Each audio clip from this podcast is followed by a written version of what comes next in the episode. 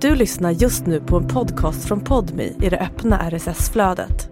För att få tillgång till Podmis alla premiumpoddar helt utan reklam, prova Podmi Premium kostnadsfritt. Ladda ner appen i App Store eller Google Play.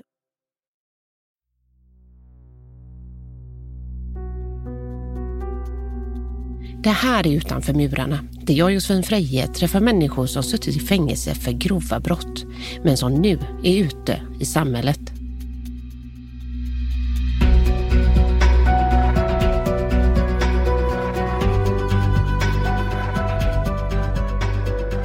Biljakter, hög som ett hus på amfetamin, skjuten av polis och tagen med 603 gram kokain i kroppen. Alltså tänk att svälja sådär 60 hårda kapslar med typ 10 gram i varje. För att sen vara redo att skita ut den. Aj! Dagens gäst Didrik har gjort det här och är kanske själva sinnesbilden av en stor, rakad, tatuerad kåkfarare. Han har pendlat mellan ett liv med brott och ett hektiskt liv som kokainkock. Men Didrik har också en helt annan sida. Under tiden i fängelset stod han och grät framför de andra fångarna. Otänkbart om det inte var för detaljen att det skedde på en scen. Jag har bjudit in honom till en liten studio på Södermalm. Ni vet stället där kultureliten snuttar på sina lattes. Alltså, jag tror fan jag såg Robin.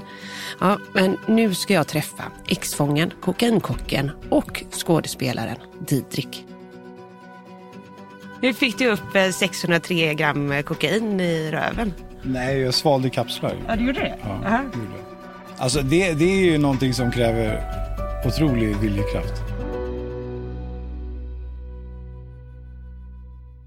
Jag är upp där och, och hämtar dig. Ja, ah, gött. Hej. Hittar du parkering? Eh, nej, jag åkte kommunal. Ah, ja. Jag är inte berättigad att ta körkort. Jag, jag kan förstå det. jag tror det är två eller tre år kvar på min sparktid. Okay. Ja, Didrik och bilkörning. Genom åren har det blivit en hel del biljakter. I en av domarna om grov vårdslöshet i trafik står det att Didrik citat visat uppenbar likgiltighet för andra människors liv. Tänk er slirandes på gångbanor med blåljus efter i full fart genom natten. Vid ett tillfälle var han nära att köra på en polis. Han har sladdat in i vägmärken, zigzackat mellan körfiler, alltså spärrlinje, vad är det? In i refug och pang stopp punktering. Allt hög som ett hus på piller, kola och tjack. Ja, den där lyktstolpen var ju eh, det var ju på en gångväg med polisbil eh, bakom och det var vinter och det var halt. Eh, och eh, de hade blockerat vägen så att jag inte kunde köra någonstans.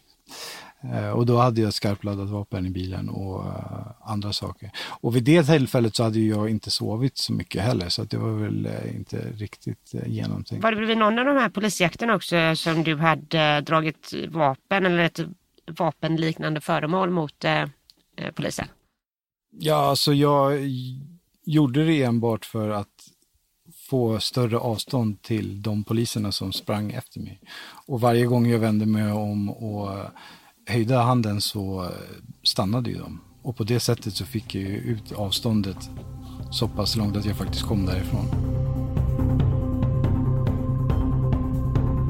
Adrenalinet som pumpar vid biljakterna menar Didrik inte bara i hans ådror. Typen av poliser som fan inte ger sig och kör efter tills de får stopp på idioten, stopp på honom. Ja, de tror han i grunden är samma typ av personer. Jag tror inte att det är så många steg ifrån att bli polis eller bli kriminell. Alltså det, det är ganska lika människor i grund och botten. Sen är det väl olika värderingar som skiljer dem. En ganska viktig värdering för en polis är dock att inte begå brott. Didriks brottsregister är långt och innehåller mycket mer än bara sjuka biljakter. Han har bland annat dömts för grova narkotikabrott, smuggling, grovt olaga hot, grovt hot mot tjänsteman, grov stöld och vapenbrott.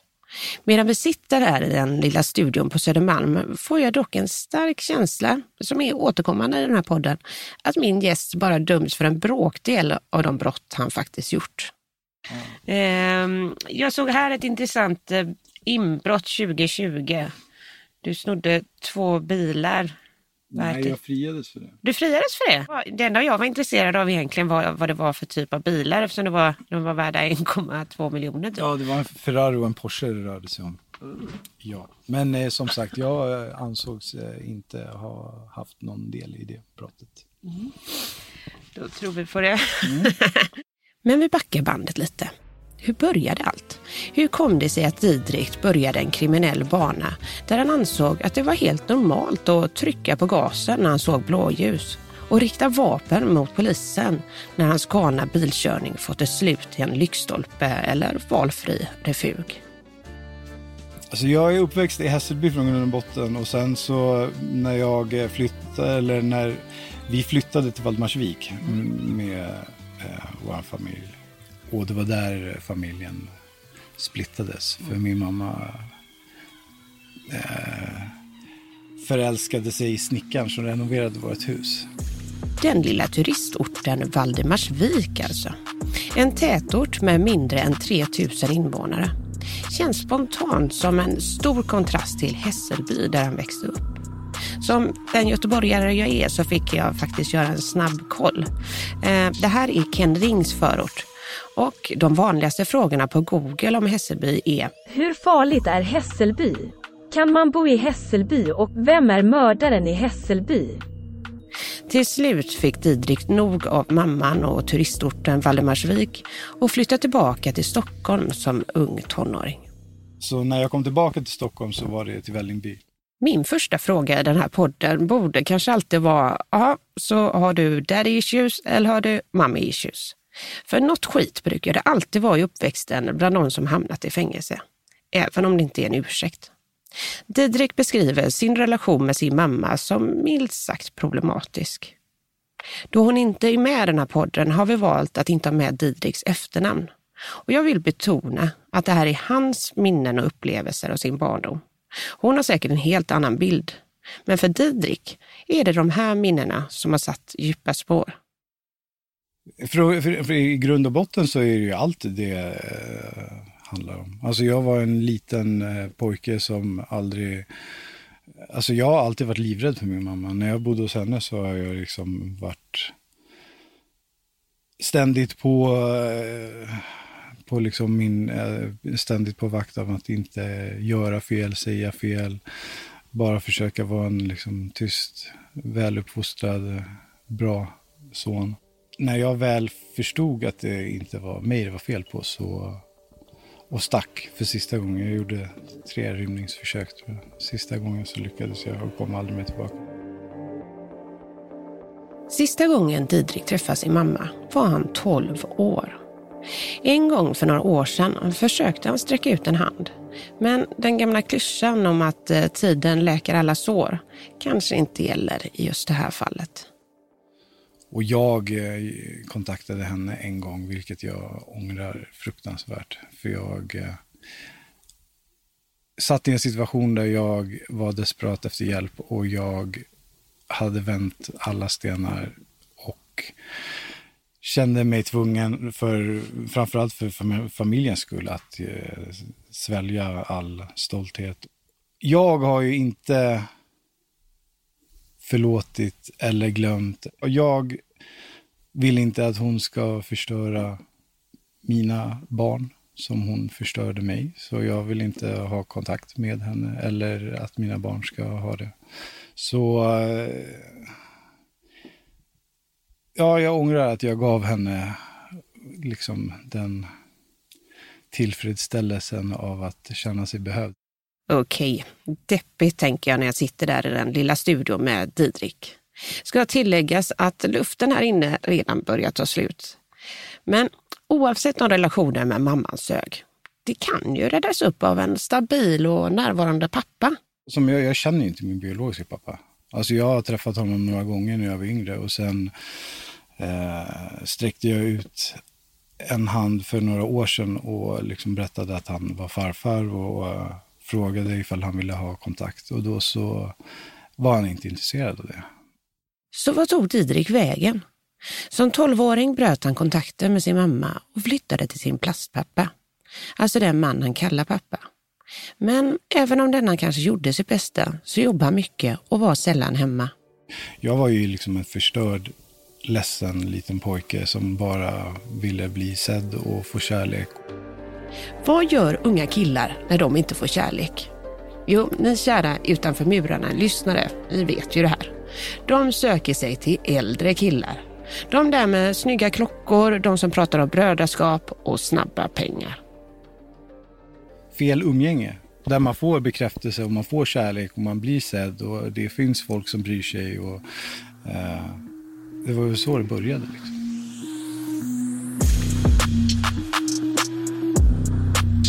Och nu började Didriks resa som kriminell. Karusellen av destruktivitet gick snabbare och snabbare. Skolan ringde plastpappan om att han skolkade och polisen jagade Ryan Reynolds here from Mint Mobile. With the price of just about everything going up during inflation, we thought we'd bring our prices down. So to help us, we brought in a reverse auctioneer, which is apparently a thing. Mint Mobile unlimited premium wireless. Ready to get 30, 30, bit to get 30, bit to get 20, 20, 20, bit to get 20, 20, bit to get 15, 15, 15, 15 just 15 bucks a month. So, Give it a try at mintmobile.com/switch. slash $45 upfront for three months plus taxes and fees. Promo rate for new customers for limited time. Unlimited more than 40 gigabytes per month. Slows. Full terms at mintmobile.com.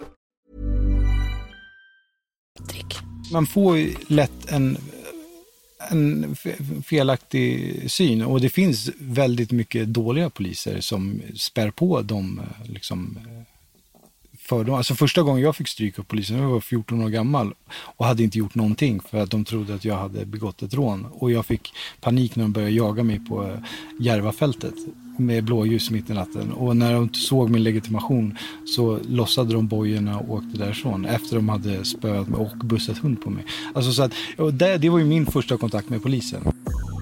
Polisen, SOS, samhället, det gav inte Didrik mycket för. Till slut fick hans plastpappa nog. Nästa anstalt, fosterhem. Fosterhemmen då, vad, hur var de? Alltså, man har hört både bra historier från sådana hem men också helt förjävliga ställen som folk har hamnat på. jag var inte mottaglig. Alltså, jag var så arg och så liksom hatiskt mot allt och alla. Jag blev fosterhemsplacerad hemma hos hans syster, alltså min faster.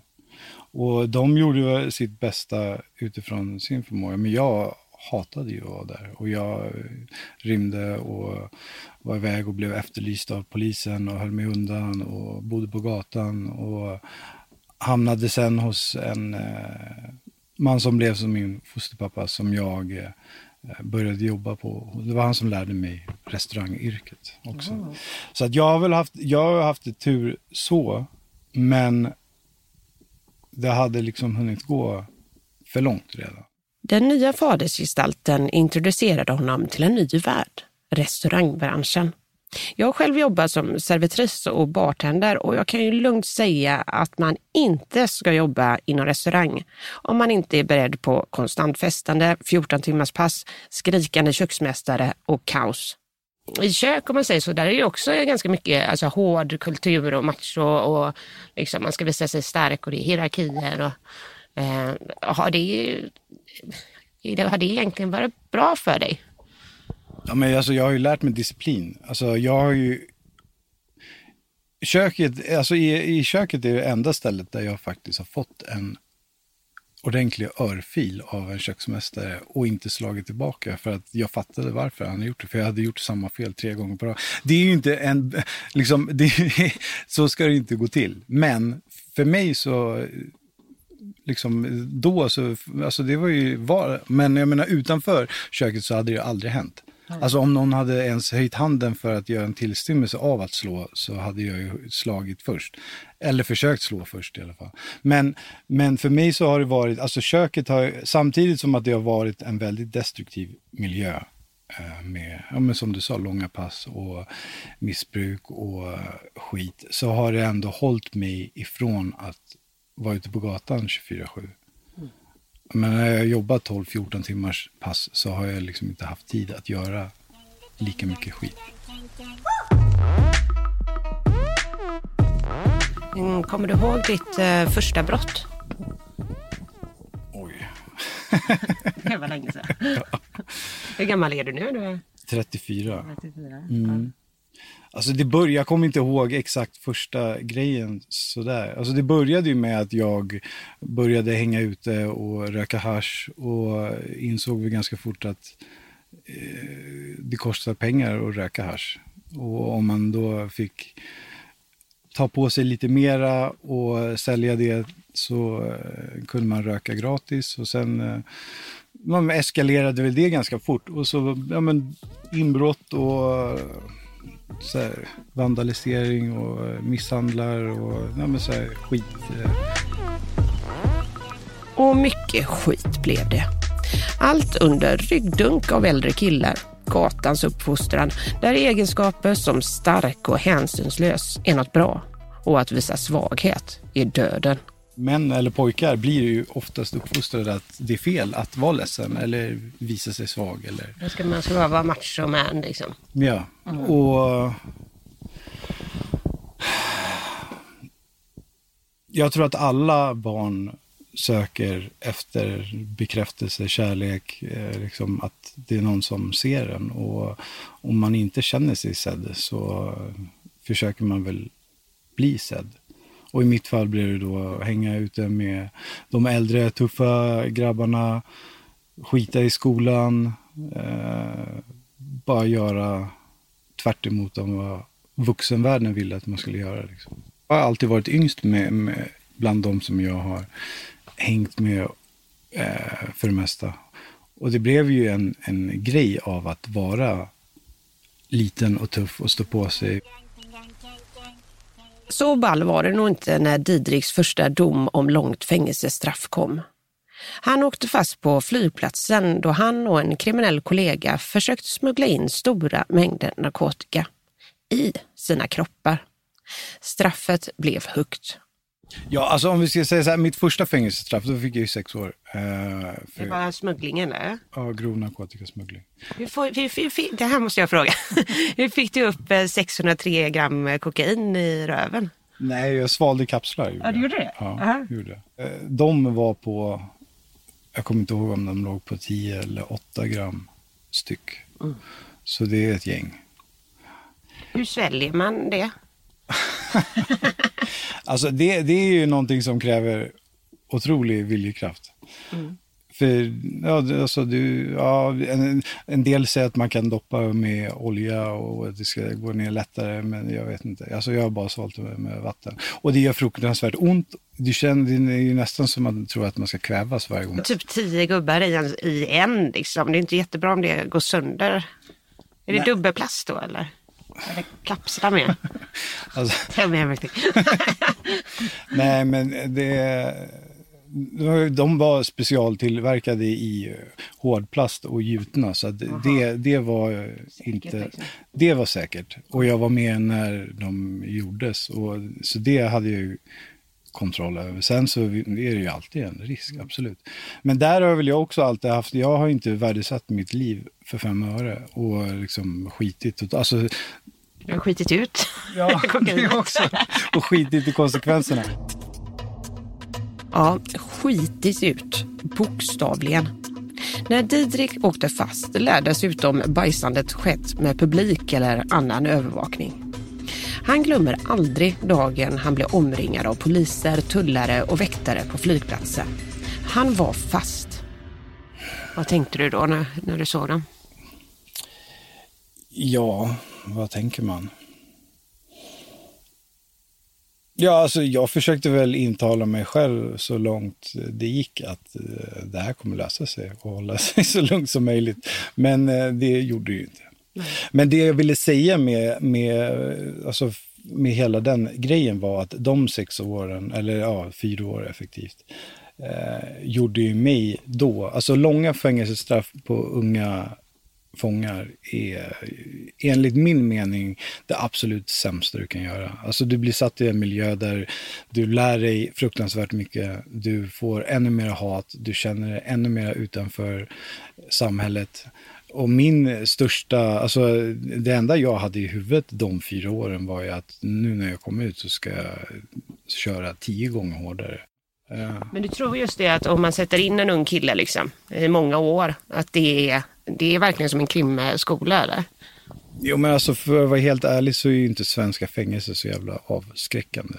Alltså okej, okay, häktningen det, det är omänskligt och det är liksom, det fattar jag fortfarande inte riktigt varför vi har så stränga häktningsregler. Det har väl kritiserat typ av alltså, människorättsorganisationer och EU och fan hans moster. Att, Jo, att vi är så dåliga på det. Ja. För det är ju så isolerande också. Vad är det man får ut en timme typ?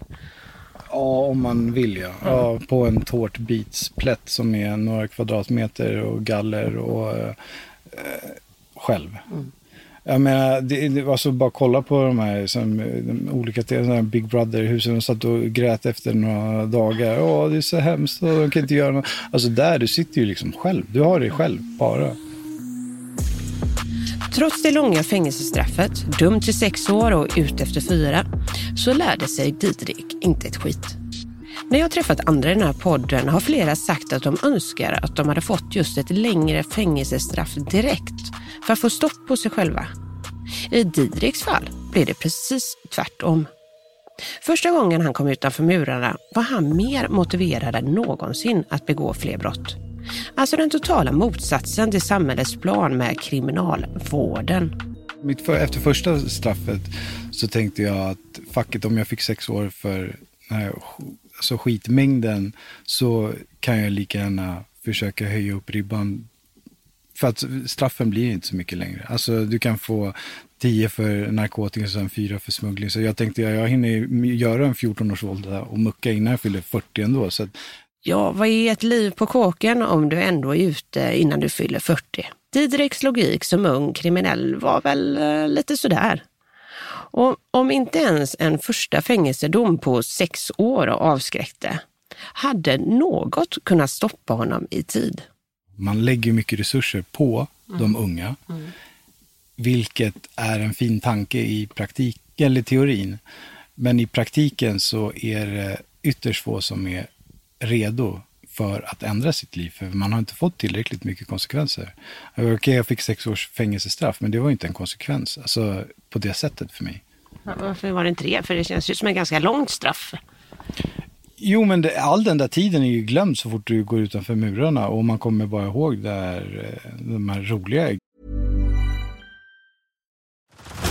Head over to Hulu this March, where our new shows and movies will keep you streaming all month long. Catch the award winning movie Poor Things, starring Emma Stone, Mark Ruffalo, and Willem Dafoe. Check out the new documentary, Freaknik The Wildest Party Never Told, about the iconic Atlanta Street Party. And don't miss FX's Shogun, a reimagining of the epic tale, starring Anna Sawai. So, what are you waiting for? Go stream something new on Hulu. Hey, I'm Ryan Reynolds. Recently, I asked Mint Mobile's legal team if big wireless companies are allowed to raise prices due to inflation. They said yes. And then when I asked if raising prices technically violates those onerous two year contracts, they said, What the f are you talking about, you insane Hollywood ass? F- So to recap, we're cutting the price of Mint Unlimited from $30 a month to just $15 a month. Give it a try at mintmobile.com slash switch. $45 upfront for three months plus taxes and fees. Promo rate for new customers for limited time. Unlimited more than 40 gigabytes per month. Slows. Full terms at mintmobile.com. grejerna. Och man... eh, Jag menar, okej, man, man förlorar tid, absolut. Men förutom det så är det ju liksom inte så mycket som händer. Finns det någonting liksom samhället hade kunnat göra där tidigt för att eh, liksom, få stopp på dig? Ja, det är väl för första början, alltså för första början så är det väl att eh, någon, eh, till exempel lärare i skolan, när jag var hos min mamma hade reagerat. Att de fattade att du inte hade det bra hemma liksom. Ja. Eh, och att SOS inte lyssnade. Alltså jag var ju på möte med SOS och berättade för dem hur det var hemma. Och sen hade de ett möte med min mamma själv. Så min mamma hade liksom manipulerat bort henne helt och hållet. Och Men de, fan vad tufft ändå att vara barn och, och ingen tror på en liksom. nej. Nej, men och det gjorde ju att jag hatade ju samhället. Jag hatade SOS, jag hatade vuxenvärlden, jag hatade alla. Och så det var ju min stora drivkraft i livet liksom hatet som drivkraft. Didrik har muckat, fortsatt att begå brott, stölder, vapenbrott, grova narkotikabrott, ett antal biljakter, grov olovlig körning för att sedan åka in igen och igen. Totalt har han blivit dömd till runt tio års fängelse utan att poletten fallit ner. Själv beskriver han svenska fängelser som inte särskilt hårda. Men tiden bakom murarna har ändå satt sina spår. Alltså man blir ju på, alltså jag måste säga att efter mitt sista fängelsestraff så märkte jag väl störst skillnad. För att an, de andra två, alltså det, annars så har det liksom efter en kort period lugnat ner sig. Alltså det här med att det är jobbigt med ljud, det är jobbigt med folk, det är jobbigt att åka tunnelbana. Så, och det är, har väl inte riktigt gett med sig det här. Alltså nu, jag tycker fortfarande att det är jobbigt med folk och jag är jobbigt att åka kommunalt och, och sådär. Och det har väl också med att jag har ett fruktansvärt kontrollbehov och min hjärna är alltid på spänn. Alltså jag utvärderar alltid, alltså varje rum som jag går in i, vill ha kontroll på vilka människor som är där. Nu sitter du ändå med eh, ryggen mot dörren här, det kan vara farligt. ja, men det, jag känner mig ganska trygg här. Ja, men, ja. men trots allt, trots svårighet efter muck med tristess och suget efter snabba lösningar, har det nu börjat ljusna för Didrik. Detta kanske är första gången då han på allvar fått nog av det kriminella livet. Vändningen blev rädslan för att dö. när jag gjorde mitt sista fängelsestraff, så då kände jag det var första gången som jag kände att jag vill inte mer. Det får vara nog. För det hade eskalerat fruktansvärt och liksom, våldet hade trappats upp och stressen hade trappats upp och liksom folk dör och det är stress och man blir blåst och man blåser och man liksom, det är så smutsigt klimat där ute. Och det har förändrats fruktansvärt från hur det var alltså från början när jag började. Jag kan bara tänka mig hur det var ännu längre tillbaka. Jag menar med tjuvheder och sådär, det finns ju inte längre. Har du förlorat eh, många vänner i kriminaliteten? Ja, alltså jag, ja, det har jag. Eh, och Ja, och det är väl avskräckande i sin tur, men det kan man ju också vända till att eh, hatet blir större. Jo, men alltså när man inte kan gå ut, utanför, alltså ut ur sin port utan skottsäker väst och man vågar inte hoppa in i bilen utan att kolla ifall, och man inte man tar olika vägar hem. Nu gör jag fortfarande det i och för sig, alltså det med olika vägar och sådär. Men, men... Eh, du är fortfarande skadad liksom? Ja, mm. och det kommer att sitta kvar ett bra tag antar jag, för det har ju varit min verklighet så länge. Konstant stress för att bli skjuten kan avskräcka de flesta. Då han begick sitt senaste brott och jagades av polisen hände något som fick poletten att falla ner. Alltså, när jag blev gripen så försökte polisen skjuta mig till döds. Och det sa de ju rakt ut i rättegången, att det var det de hade försökt att göra. Var det för att du hade ett vapen i handen? Eller? Ja, ja, det kan ha varit att jag hade en pistolliknande föremål i handen. Mm. Ja. Nu missade ju de när de sköt. Men om jag hade blivit träffad och slutat upp i en blodpöl på backen så hade ju jag aldrig fått chansen att få vara en pappa. Alltså jag hade ju alldeles, det hade ju varit det jag hade gjort innan dess som hade liksom räknats. Och det kändes förjävligt att, att det skulle vara så. Ja, det här är mitt liv liksom. Det här var vad jag åstadkom. Mm, och att jag var lika pissig förälder som, som, som jag hade liksom. Mm. Eh, I grund och botten. I och med att jag då i sådana fall inte hade valt dem utan jag hade valt det här jävla skitlivet istället. Mm. Och, det blev ju, och då när jag kom in där så kände jag ingen mer restaurangjobb, ingen mer kriminalitet. Vad ska jag göra då? Liksom? Jag är bara en jävla pissluffare som inte kan någonting.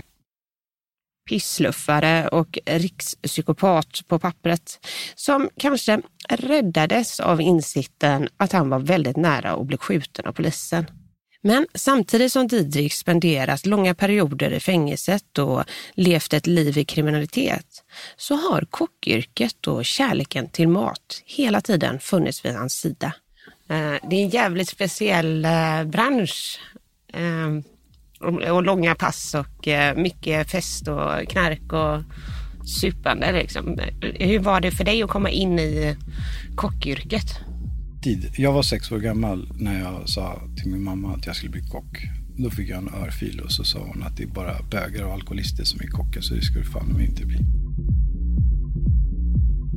Alltså det har aldrig varit en fråga om, om jag inte ska göra det. Och jag älskade och jag älskar att stå i kök. Och det är liksom ett ställe där jag känner att jag har total kontroll. Jag är fruktansvärt duktig och jag är... Nej men alltså det är min eh, lilla oas av där jag är härskare liksom. Nej, men... Jag tänker, är du den där som står och skriker och kastar tallrikar eller är du mer den som eh, låter eh, praktikanten vispa krossad is i frysen? Alltså jag har varit en eh, väldigt eh, arg ung man. Nej, men och jag har alltid tagit som en personlig förolämpning när folk inte håller kvaliteten. Här kan jag dela med mig av några av de sjuka saker som stackars praktikanter i kök kan få vara med om. Förutom att vispa vatten i frysen tills det blir krossad is är spagettiträdet en klassiker. Kocken säger till praktikanten att varje dag vattna en kruka med en hård spagetti i som kockarna drar upp varje dag fnissande. Alltså tro det eller ej, men det finns de praktikanter som tar sitt växande spagettiträd på högsta allvar. Eller när köksmästaren skickar ut praktikanten till runtliggande restauranger för att hämta ögonmåttet eller spisförlängaren och praktikanten blir lurad och drar med sig halva inredningen efter att grannkockarna haft sitt roliga. Ja, ni fattar. En tuff bransch för den som inte är lite speciell. Ja, jag har väl eh, jag har ADHD och jag, jag har väl lite OCD och jag har en del tvångstankar och sådär och vill gärna ha det på mitt sätt. Men jag anser fortfarande att om man lagar mat till någon så ska det vara med kärlek och det ska vara det absolut bästa man kan göra. Och definitivt om någon betalar 500 spänn för att köpa en tallrik mat. Då tycker jag det är som att spotta gäster i ansiktet och skicka ut något som inte är bra. Liksom. Mm. Men jag har väl tidigare kanske inte haft riktigt eh, eh, det här filtret som man nog ska ha om man är chef framför allt. jag har kastat mat på kockar och jag har hotat folk med kniv och jag har slängt ut, alltså det har varit jag har varit hemsk, men, men eh, även med glimten i ögat. Alltså. Men jag har väl haft svårt att tygla mitt temperament kan man säga. Kokain och hotshots direkt efter passet. Eller ibland även innan passet. Tallrikar som flyger, machokultur och knivhot. När man tänker på det så kanske det inte är så konstigt att så många kriminella jag har träffat genom åren också är kockar.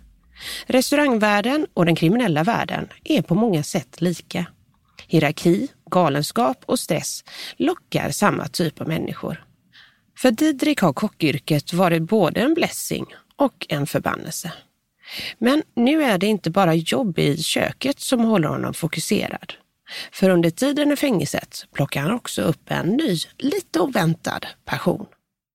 Och då hittade jag teatern på Österåker. Vi, de drog igång en teatergrupp och jag blev övertalad av en vän att eh, gå dit och då så sa han att nu får du fan, nu har du sagt att du ska komma, nu får du skaka hand på att du kommer. Så skakade jag hand med honom att jag skulle komma och sen så då var jag ju tvungen att gå dit. Så då gick jag dit och sen fastnade jag. Så vi hade två fantastiska eh, plitar som, eh, som höll i den teatergruppen. Den ena är skådespelare själv och eh, den andra jobbat som, eller eh, är regissör. Och det blev eh, de, det var liksom den bästa stunden på veckan. Vad är det du gillar med skådespeleriet? Är det att man kan få visa känslor? Ja, alltså det blev ju ett sätt att öppna upp och eh, skådespeleriet har ju varit min, min terapi till att bli kapabel till att visa och känna. Nej, men för då var det okej okay att stå och visa sig ledsen på en scen, för du spelar ju det ändå inte dig själv. Mm. Jag tror att man kan använda det som en behandlingsmetod, alltså kultur överlag. Om det är så att skriva texter eller musik eller teater eller whatever. Men att få skapa någonting och uttrycka sig. Jag menar, att bara få möjligheten att få släppa locket på den där kastrullen som bara står och liksom håller på och kokar över är ju någonting helande i. Didrik hade inte trott sig själv om han hade haft en tidsmaskin och förklarat för sitt yngre jag att han i framtiden skulle stå och gråta på en scen framför andra fångar.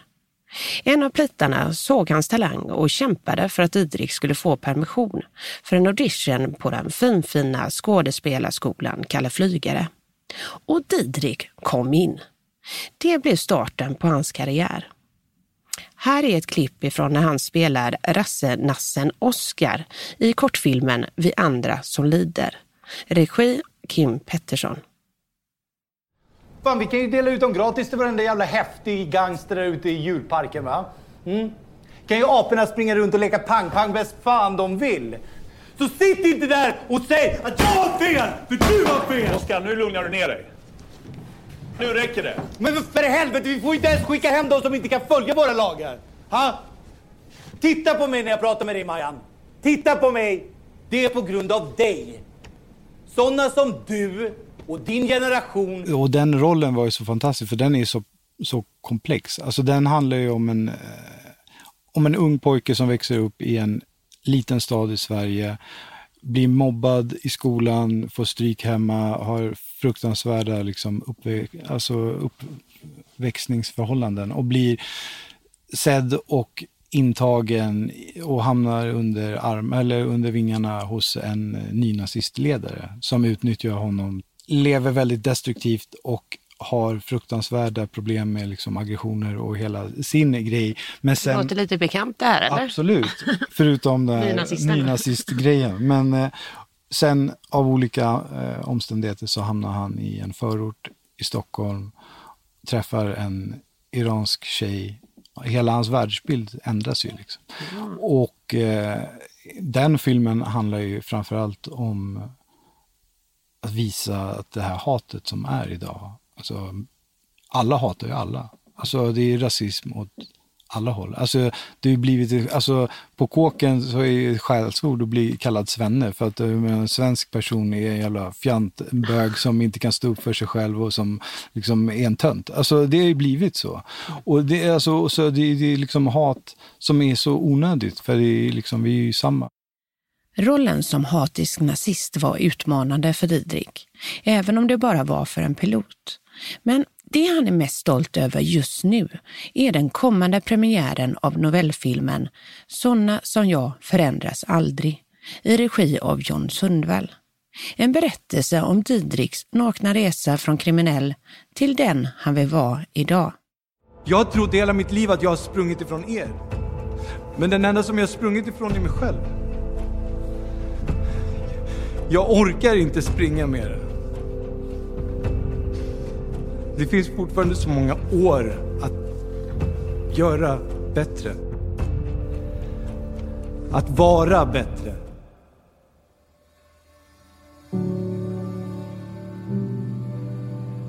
Och här hade jag velat säga att avsnittet är över och allt är bra. Didriks liv som jojo-kriminell är helt över. Men riktigt så enkelt är det inte. Nyligen åkte han dit för ringa narkotikabrott och nyligen satt han häktad för en bilstöld. Ett brott han visserligen friades för. Häktningen tog hårt. Nu vill han satsa på skådespeleriet och att försöka vara en bra pappa. Hans barn är det som får honom att aldrig ge upp. De två månader som jag satt häktad nu sist när jag blev frigiven så var varenda sekund en ren tortyr. Mm. För att jag gick från att hämta, lämna, träffa, se, prata med framförallt min yngsta dotter varje dag tills att jag fick prata med henne tre gånger bevakade samtal på totalt 17 minuter på två månader. Hur förklarar man en sån sak för, för ett barn? Ja, det går ju inte. Eh, och det som jag kände när jag kom ut efter de två månaderna och hämtade henne på förskolan tillsammans med hennes mamma. Och hon sken upp. Alltså jag har aldrig sett någon bli så glad. hon hoppade upp i min famn och liksom släppte inte taget. Och det fick ju mig verkligen att känna att den här gången så var det så. Om jag försvinner längre tid från henne nu så kommer den glädjen kanske förvandlas till hat istället för att jag har varit borta. Mm. Det är inte värt det. Dessutom, nu har Didrik äntligen hittat en väg att våga vara kock utan att falla in i allt det där destruktiva yrket kan dra med sig. Han har blivit fartygskock i de kalla vattnen utanför Norges nordligaste kust. Och snart hoppas han på drömjobbet. Att eh, jobba så, alltså som kock ute på oljerigg. För de jobbar två veckor, sen är de lediga fyra veckor. Mm. Och får bra betalt. Så det har varit väldigt lockande. Men nu har jag varit iväg på olika fartyg och jobbat offshore. Framförallt så är det en chans att jag kan få jobba med det jag älskar i en miljö som inte är lika eh, liksom destruktiv och eh, krävande som krogmiljö i Stockholm är. Mm. Och samtidigt få mer familjetid. Vad skäms du mest för? Alltså jag skäms för att jag har eh, försummat eh, familjen. Gör jag. Och sen så skäms jag över en grej som jag gjorde mot en person som eh, egentligen var helt oskyldig. Eh, som jag först då när det hände var övertygad om att han ljög, men sen så framkom det att han inte gjorde det. Och det är en person som jag tänkt på ganska eh, många gånger. Du slog skiten ur honom eller? Nej, nej det gjorde jag inte, men jag eh, traumatiserade nog honom kan jag tänka mig. Skenavrättning? Nej, men jag... Eh, Eh, han fick inte komma hem, om vi säger så, på några dagar. Mm. Uh, har du, eh, har du försökt att nå honom eller be om ursäkt? Jag tror att det kanske skulle riva upp mer än vad det skulle ge. Alltså jag tror att jag, min bäst, mitt bästa sätt att kunna gottgöra den personen och alla andras också som jag har skadat är väl framförallt att vara en annan människa och inte göra så mot andra. Även om Didrik verkar ha förändrats verkar han inte redo för att ta alla konsekvenser av det han har gjort. Killen som han, alltså jag vet inte riktigt vad han har gjort med honom. Kidnappat honom, alltså jag har ingen aning. Men den här killen har han fortfarande inte bett om ursäkt till. Trots att han vet att det var fel. Väldigt fel.